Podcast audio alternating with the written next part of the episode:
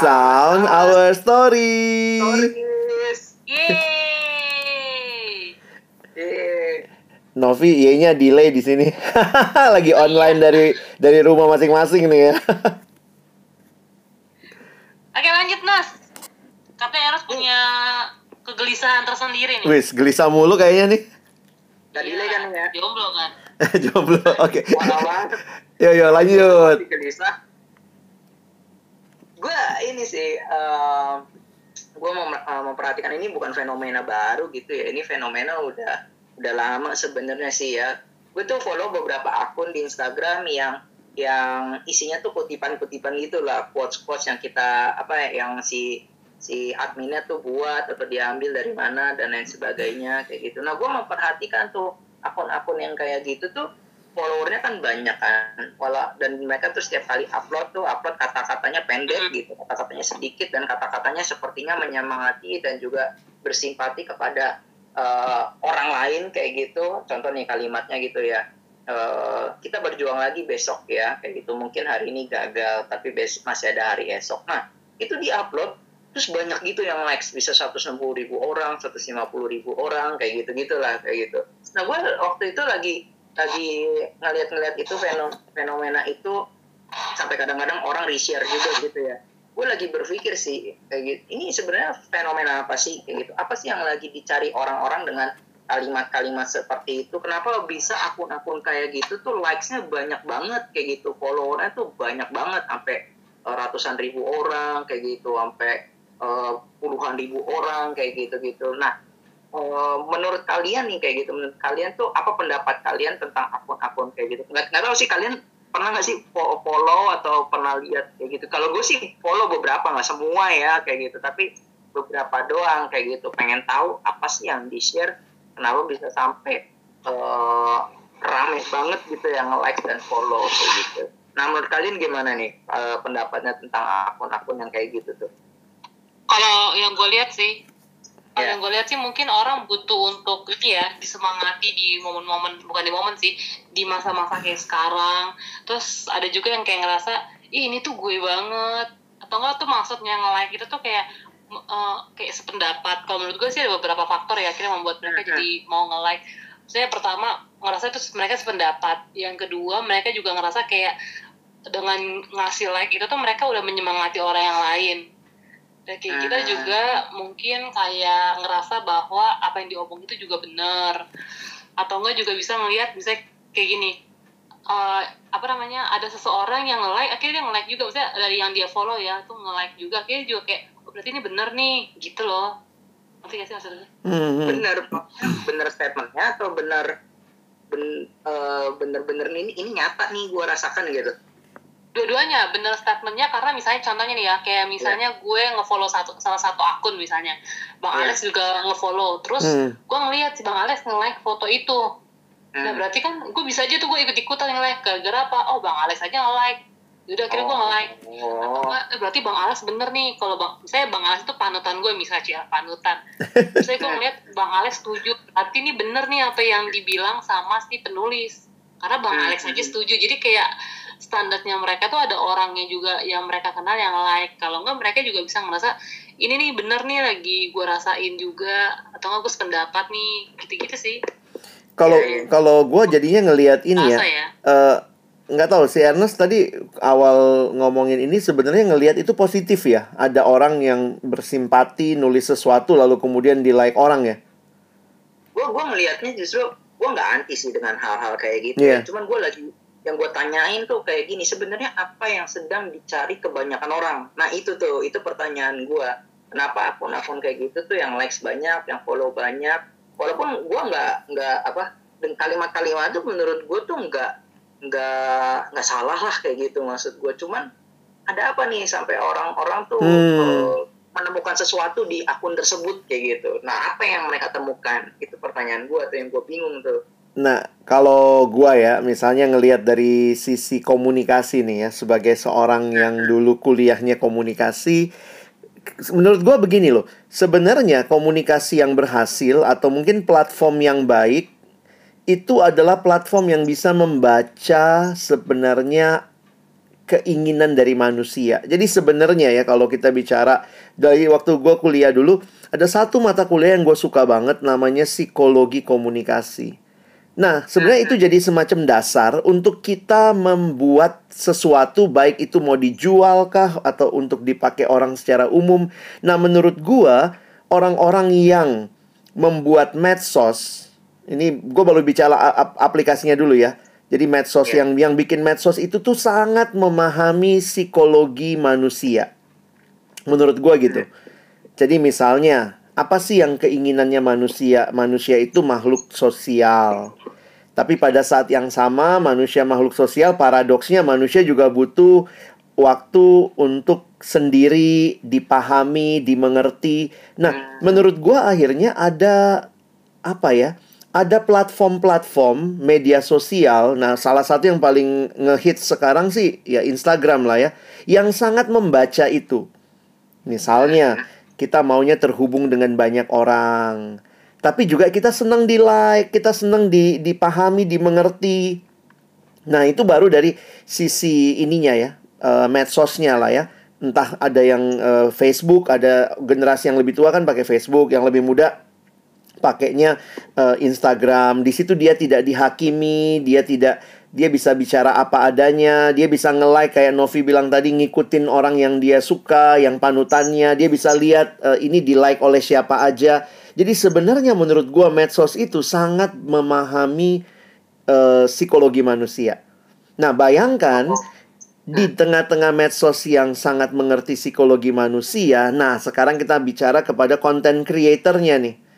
Ada orang-orang yang sebagai konten creator, mereka benar-benar juga bisa melihat apa yang sebenarnya orang rasain ya. Entah kalau kita mau bicara dia punya empati yang besar atau mungkin dia survei kali.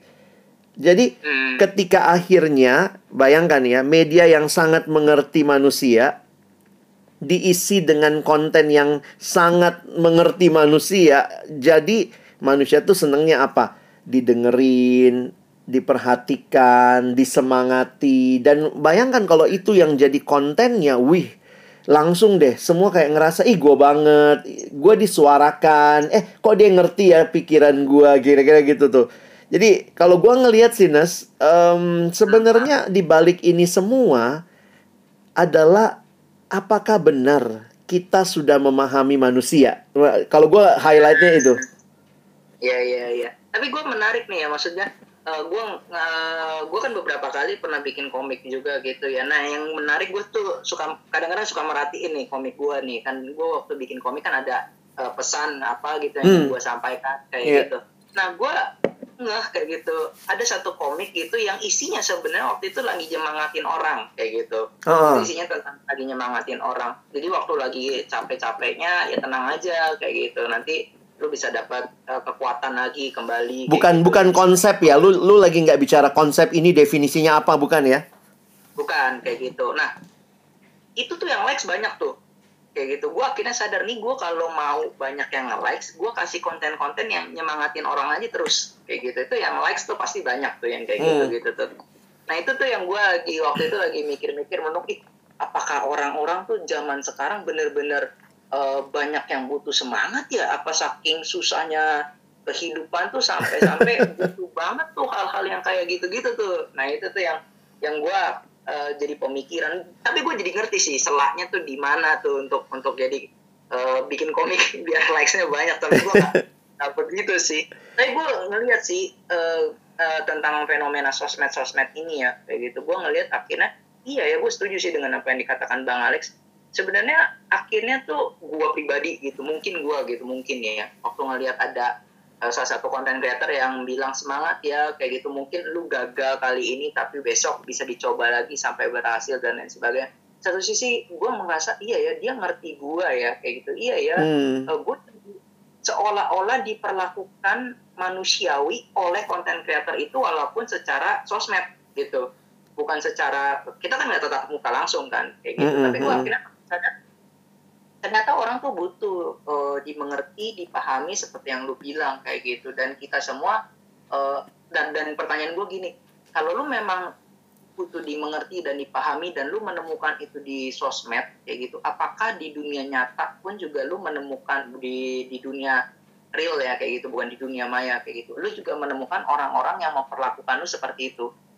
Nah itu itu jadi pertanyaan gue juga sih Da- dalam gitu. itu Nes, dalam banget tuh. karena Jadi harus dapat nggak? kalau gue dapat Dapat bener.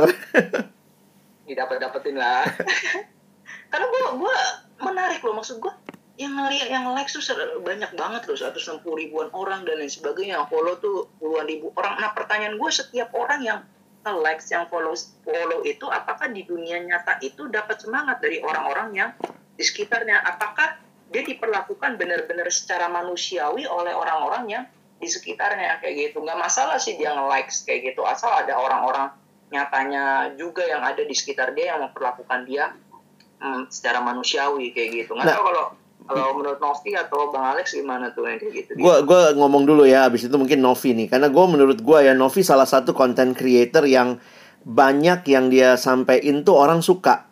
Dan itu ternyata bukan konsep, bukan apa. Kalau gua ngelihat Novi cuman posting hidup sehari-harinya dia, siapa temennya, gimana. Nah, gua nggak tahu nanti Novi bisa cerita lebih jauh ya. Cuman gue harus kasih garis batasnya gini. Betul, itu sangat manusiawi, sangat manusia suka. Tapi gue seneng dengan pendekatan lu tadi, Nes ya. Walaupun lu melihat banyak orang yang suka kalau komik lu adalah sesuatu yang nyemangatin, tapi lu nggak manipulatif, nggak pakai itu.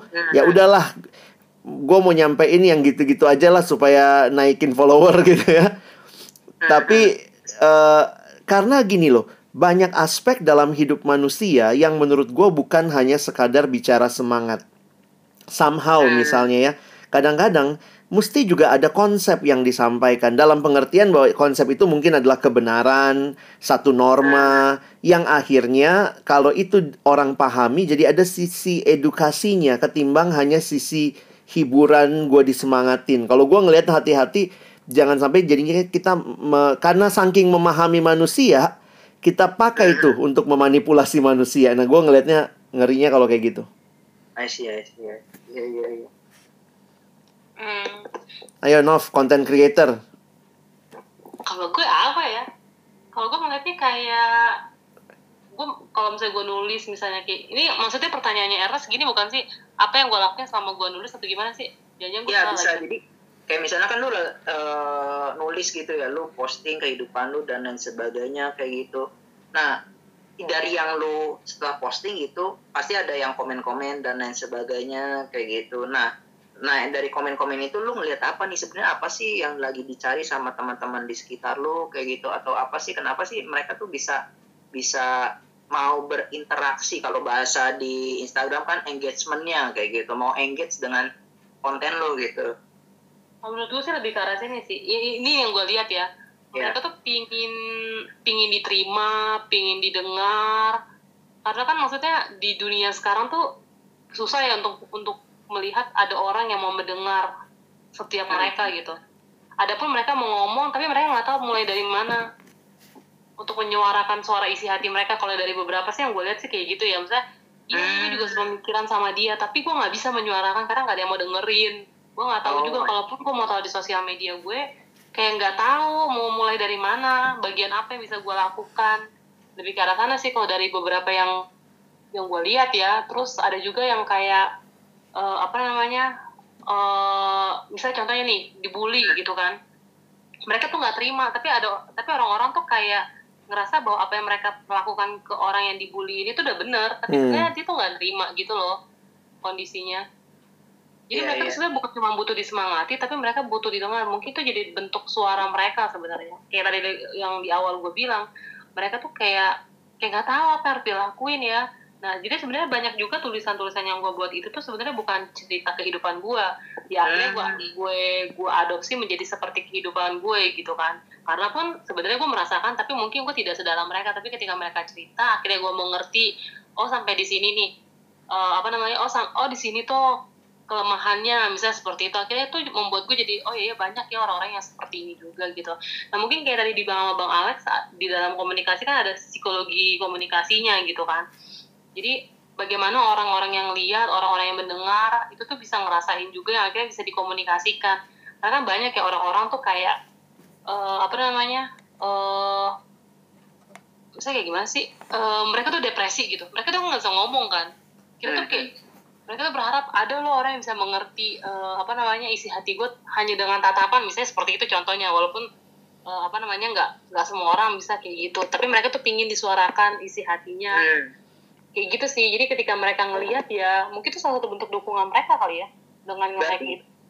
ini iya berarti ini ya mereka merasa satu sisi tersuarakan lah ya pikiran dan perasaannya. Tapi gue jadi jadi ingat nih ada salah satu akun nih kayak gitu gue aduh gue pengen nyebut tuh gimana ya kayak gitu. Uh, dalam proses menuju manusia gitu kayak gitu. Itu gue bahasakan lah kayak gitu. Padahal dia cuma dua kata sih belakangnya manusia depannya katanya menjadi kayak gitu. Jadi kenapa? Itu mau udah nyebut namanya iya ya. Secara gue nggak masalah ya? dengan akun-akun seperti itu gue nggak masalah kayak gitu. Cuman gue menarik aja. Gue waktu baca uh, judulnya kayak gitu gue kepikiran kayak gitu dengan temanya itu. Uh, emang kita selama ini belum manusia ya seperti itu. Itu kan pertanyaan gue ya. Apakah jangan-jangan kita kan udah manusia nih kayak gitu. Gue masih ya gue punya dua tangan dua kaki kayak gitu. Gue kakinya nggak empat kayak anjing dan nggak punya moncong kayak gitu. Gue manusia kayak gitu. Tapi dengan rasa itu gue jadi uh, merenung kayak gitu. Jangan-jangan gue sendiri yang manusia uh, tindakannya itu nggak manusiawi kayak gitu. Nah, jangan-jangan itu gue bilang mas. Uh, karena nah. jangan-jangan ya, ya boleh dulu deh.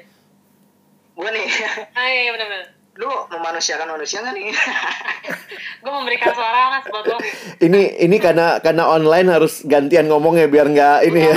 Oke okay, Ernest dulu nah gue tuh jadi mikir kayak gini tuh kayak gitu kan. Uh, jangan-jangan gue tuh yang manusia belum memanusiakan manusia. Jangan-jangan gue belum bersikap manusiawi terhadap orang-orang yang ada di, di sekitar uh, gue kayak gitu. Jadi akun-akun tersebut sebenarnya sedang lagi mencoba untuk mengerti bagaimana sih hidup manusia kayak gitu. Realnya seperti ini. Jadi satu sisi gue ngelihat akun-akun tersebut tuh nggak mau tuh e, mereka tuh mau menyentuh dunia nyata di mana orang tuh ada yang namanya gagal. Dunia tuh hidupnya tuh nggak mudah seperti yang lu bayangkan kayak gitu yang ada di iklan-iklan dan lain sebagainya. Nah mereka tuh mau mencoba tuh manusia tuh ya begini adanya kayak gitu. Nah itu yang gue akhirnya sadar iya ya kita tuh selama ini jangan-jangan uh, menjadi waktu menjadi manusia ini nih saat ini jangan-jangan kita sendiri masih kesulitan untuk bersikap manusiawi terhadap uh, orang di sekitar kita. Jangan-jangan kita sendiri itu masih kesulitan seperti apa sih manusia itu kayak gitu manusia tuh harusnya kayak gimana sih kayak gitu sampai sampai sampai tuh uh, harus ada orang-orang yang menyuarakannya kayak gitu nah itu jangan-jangan kita sendiri tuh kehilangan arah untuk gimana harusnya bersikap secara manusiawi terhadap orang-orang yang ada di sekitar kita. Nah itu itu itu pemikiran gue tuh. Cuma kalau iya tadi kan lu sempat bilang kan atau jangan-jangan hmm. sebenarnya kita tuh bukannya manusia ya. Kalau menurut gue gini sih, jangan-jangan kita tuh emang rupa kita tuh udah manusia gitu kan. Emang bukannya udah jadi tapi emang manusia gitu kan. Tapi hmm. saking ya lagi-lagi mungkin udah jatuh dalam dosa ya kita kan jadi egois ya. Standar kebenarannya itu jadinya udah bukan hal yang benar tapi standar kebenarannya ya kita bagaimana orang lain harus memperlakukan kita bagaimana kita memperlakukan orang lain standarnya jadi jadinya ya ke kita perspektifnya udah beda kayak gitu jadi kalau misalnya apa namanya misalnya gini ya gue menghina Ernest itu menurut gue sah sah aja tapi kan sebagai manusia tuh harusnya nggak begitu kan Iya. Nah itu maksud gue. Jadi kayaknya kesannya kayak ya nggak apa-apa kali kalau misalnya gue menghina Ernest toh kan bercanda. Saya cuman konteksnya tuh kayak kayak bercanda padahal kan sebenarnya lu belum belum tentu lu bisa nerima kayak gitu jadi kan menurut gue emang harus dikasih tahu sih apa namanya harusnya seperti apa cuman lagi-lagi hmm. emang nggak semua orang akan terima gara-gara kan ya perspektifnya beda misalnya gini standar hmm. kebenaran buat gue sama lu kan pasti udah beda kan jadi mungkin yeah. emang iya. perlu ada orang-orang yang menyuarakan untuk mereka mm, mengetahui bahwa lu salah lo memperlakukan orang lain seperti ini kayak gitu sih kalau menurut gue menurut bang Alex gimana bang kalau gue ngelihatnya mungkin ya seperti yang kita lakuin ini juga sih. Sebenarnya kan kita bicara friend sound resound your story our stories gitu ya. Uh, kita hidup dalam dunia yang memang kita harus menyadari juga bahwa banyak relasi-relasi yang sedang tidak dinikmati dengan dalam. Sehingga kok jadinya seolah-olah media sosial ini yang lebih sering dipantengin orang. Jadi bisa jadi kita duduk di sebelahan sama orang lain, tapi dia nggak lagi dengerin kita. Jadi orang yang hadir belum tentu hadir sebagai manusia bagi manusia sesama manusia, baik di rumah, baik di kantor. Jadi semua orang mungkin hadir dalam satu ruangan, tapi ternyata tidak saling mendengar cerita. Lalu kemudian ya sisi ini yang menurut gua ya kayak kritik juga ya. Jadi kayak membangun kita untuk membangunkan kita lihat loh. Di sekitar lu tuh ada orang-orang yang harusnya kalau jadi bayangkan ya kalau kalimat misalnya apa tadi Nas uh, besok kalau gagal kita coba lagi ya. Ya. Kalau kalau misalnya itu disampaikan oleh orang tua yang melihat anaknya gagal ujian, harusnya kan lebih real ya atau atau ngelihat misalnya. Jadi jangan-jangan juga semua hadir di satu ruangan yang sama tapi ternyata e, saling menyemangati tidak terjadi saling mendengar tidak terjadi dan justru e, akun-akun seperti itu justru mem memanusiakan manusia gitu kira-kira ya. Dan menurut gue ya itu jadi kritik yang baik sih buat e, kehidupan sosial kita. Nah hal kedua yang gue coba pahami tadi mungkin sebagaimana kita tahu dalam psikologi dan bahkan juga dalam semua bidang termasuk dalam agama, perjalanan mencari tahu siapakah manusia sesungguhnya who am I itu sebuah proses panjang sih, bahkan uh, sebuah proses seumur hidup. Dan gue pikir itu yang sedang terus uh, orang makanya kalau dibilang kita mau jadi makin manusia emangnya belum manusia. Tapi ternyata ya kita makin belajar kok hari demi hari how to be a true human gitu. Kira-kira gitu. Nah gue jadinya mikir sih uh, how to be a true human. Gue jadinya mikir iya ya bener juga ya. Sekarang pertanyaannya gini gue gimana sih caranya how to be a true uh, human kayak gitu? Gue mesti ada contoh kayak gitu. Nah itu tuh makanya menarik kalau seandainya ada contoh manusia yang sempurna gitu yang wah iya ini nih manusia yang superhero superhero kayak gitu. Nah itu iya. menarik tuh kalau ada. Karena memang kita gue gue setuju sih kayak gitu. Itu kritik yang baik dan gue setuju kita semua tuh manusia sekarang yang ada ini lagi berjuang untuk hidup secara manusiawi memanusiakan manusia kayak gitu. Nah itu yang kadang-kadang kita suka cari cara-caranya tuh ada yang perginya ke agama kayak gitu. Ada pergi yang ke meditasi mungkin ada perginya ke filsafat filsafat ada juga mungkin kalau uh, menurut gue yang menarik adalah kalau seandainya memang uh, pencipta manusia tuh kayak gitu datang tuh jadi manusia nunjukin harusnya kayak gini nih sama kayak gue misalnya gue pencipta pulpen atau seandainya pulpennya hidup kayak gitu. Pulpen harusnya buat nulis malah jadi buat nusuk orang kayak gitu. Gue berubah jadi pulpen ngasih tau eh pulpen tuh harusnya nulis kayak gitu. Bukan untuk nusuk orang. Nah itu menarik sih kalau kalau seperti itu adanya. Nah menurut gue uh, di situlah keunikan kita bicara bahwa ada Tuhan yang menjadi manusia ya. Dan itu bukan ya. dongeng itu fakta sejarah dan itu juga yang kita baru lewatin ya. Masa-masa merayakan kalau buat orang Kristen kan merayakan uh, Jumat Agung, Paskah bahwa Tuhan yang jadi manusia mengalami semua yang kita alami untuk bisa kita meniru dia untuk jadi manusia tuh ya, ya seperti itu gitu dan menurut gue sih uh, itu amazing lah ya dalam iman gue meyakini bahwa uh, the way to be a true human is to know the God who became human for me gitu. Hmm. Dan gue ngerasa iya ya ternyata yang bersimpati sama gue tuh bukan cuman uh, teman-teman gue yang di sekitar sosmed, tapi yang ternyata bersimpati, berempati dan mencoba menjalani hidup gue itu ya Tuhan semesta alam wah itu bagi gue gila ya kalau gue bisa dapat simpati dari orang yang gue bisa hmm. kalau seandainya presiden aja bersimpati sama hidup gue dia mau jalanin hidup gue kayak gitu jadi jadi pekerja kayak gue gitu wah gila itu aja gue udah seneng apalagi kalau Tuhan semesta alam Novi gimana Nov lu ngelihat uh, perenungan seperti ini bagi lu sendiri? Saya jadi kayak ngebantu gue untuk melihat sih bahwa hmm, kita harus memanusiakan manusia intinya sih gitu sih. Maksudnya menjadi pendengar lah minimal. Karena kalau misalnya gini kalau lu suka diapain ya lu lakukan juga itu ke orang lain sih. Hmm, itu hal yang hmm. kadang-kadang suka kita lupa. Misalnya kita pingin didengar tapi kita jadi kayak nggak mau dengerin orang. Kita pinginnya tetap kita yang harus didengar. Kita pingin punya sahabat tapi kita lupa bagaimana menjadi seorang sahabat. Karena kita maunya orang lain harus jadi sahabat kita dulu baru kita mau jadi sahabat. Sebenarnya kan bukan ngomongin tentang take and give ya tapi bagaimana lu juga bisa mau belajar memberi dari apa yang lo punya sih? Hmm, bener sih Nov. Em, ya Dan mungkin memberi ini gimana? uh, memberi ini konteksnya dari apa yang lu punya. Misalnya kita suka mikir gini ya tuh gue nggak bisa memberi gara-gara gue nggak punya apa-apa. Minimal lo bisa ngasih waktu lu ngasih telinga lu dengan tanda kutip ya. Telinga ini misalnya belajar untuk mendengarkan Hmm, atau enggak lu bisa menyemangati orang dengan kata-kata kan jadi jangan kayak langsung ngejudging gitu loh kadang kita paling seneng yang ngejudging lu tuh emang udah begini gitu jadi tuh kayak langsung nge-labelin bahwa semua orang tuh gak ada yang benar Hmm, intinya hmm. kayak gitu cuman kita doang yang benar Hmm, hmm, betul, betul, betul. ya mungkin ini pembahasan yang menarik banget ya. Nas, lu mau sampein sesuatu di bagian akhir nih? sama sih gue sama sih kayak si Novi kayak gitu maksudnya akun-akun itu ingin berusaha bersimpati dengan eh, kita kayak gitu. Nah pertanyaan gue ada apakah gue sendiri tuh bersimpati dengan orang yang ada di samping gue benar-benar secara real?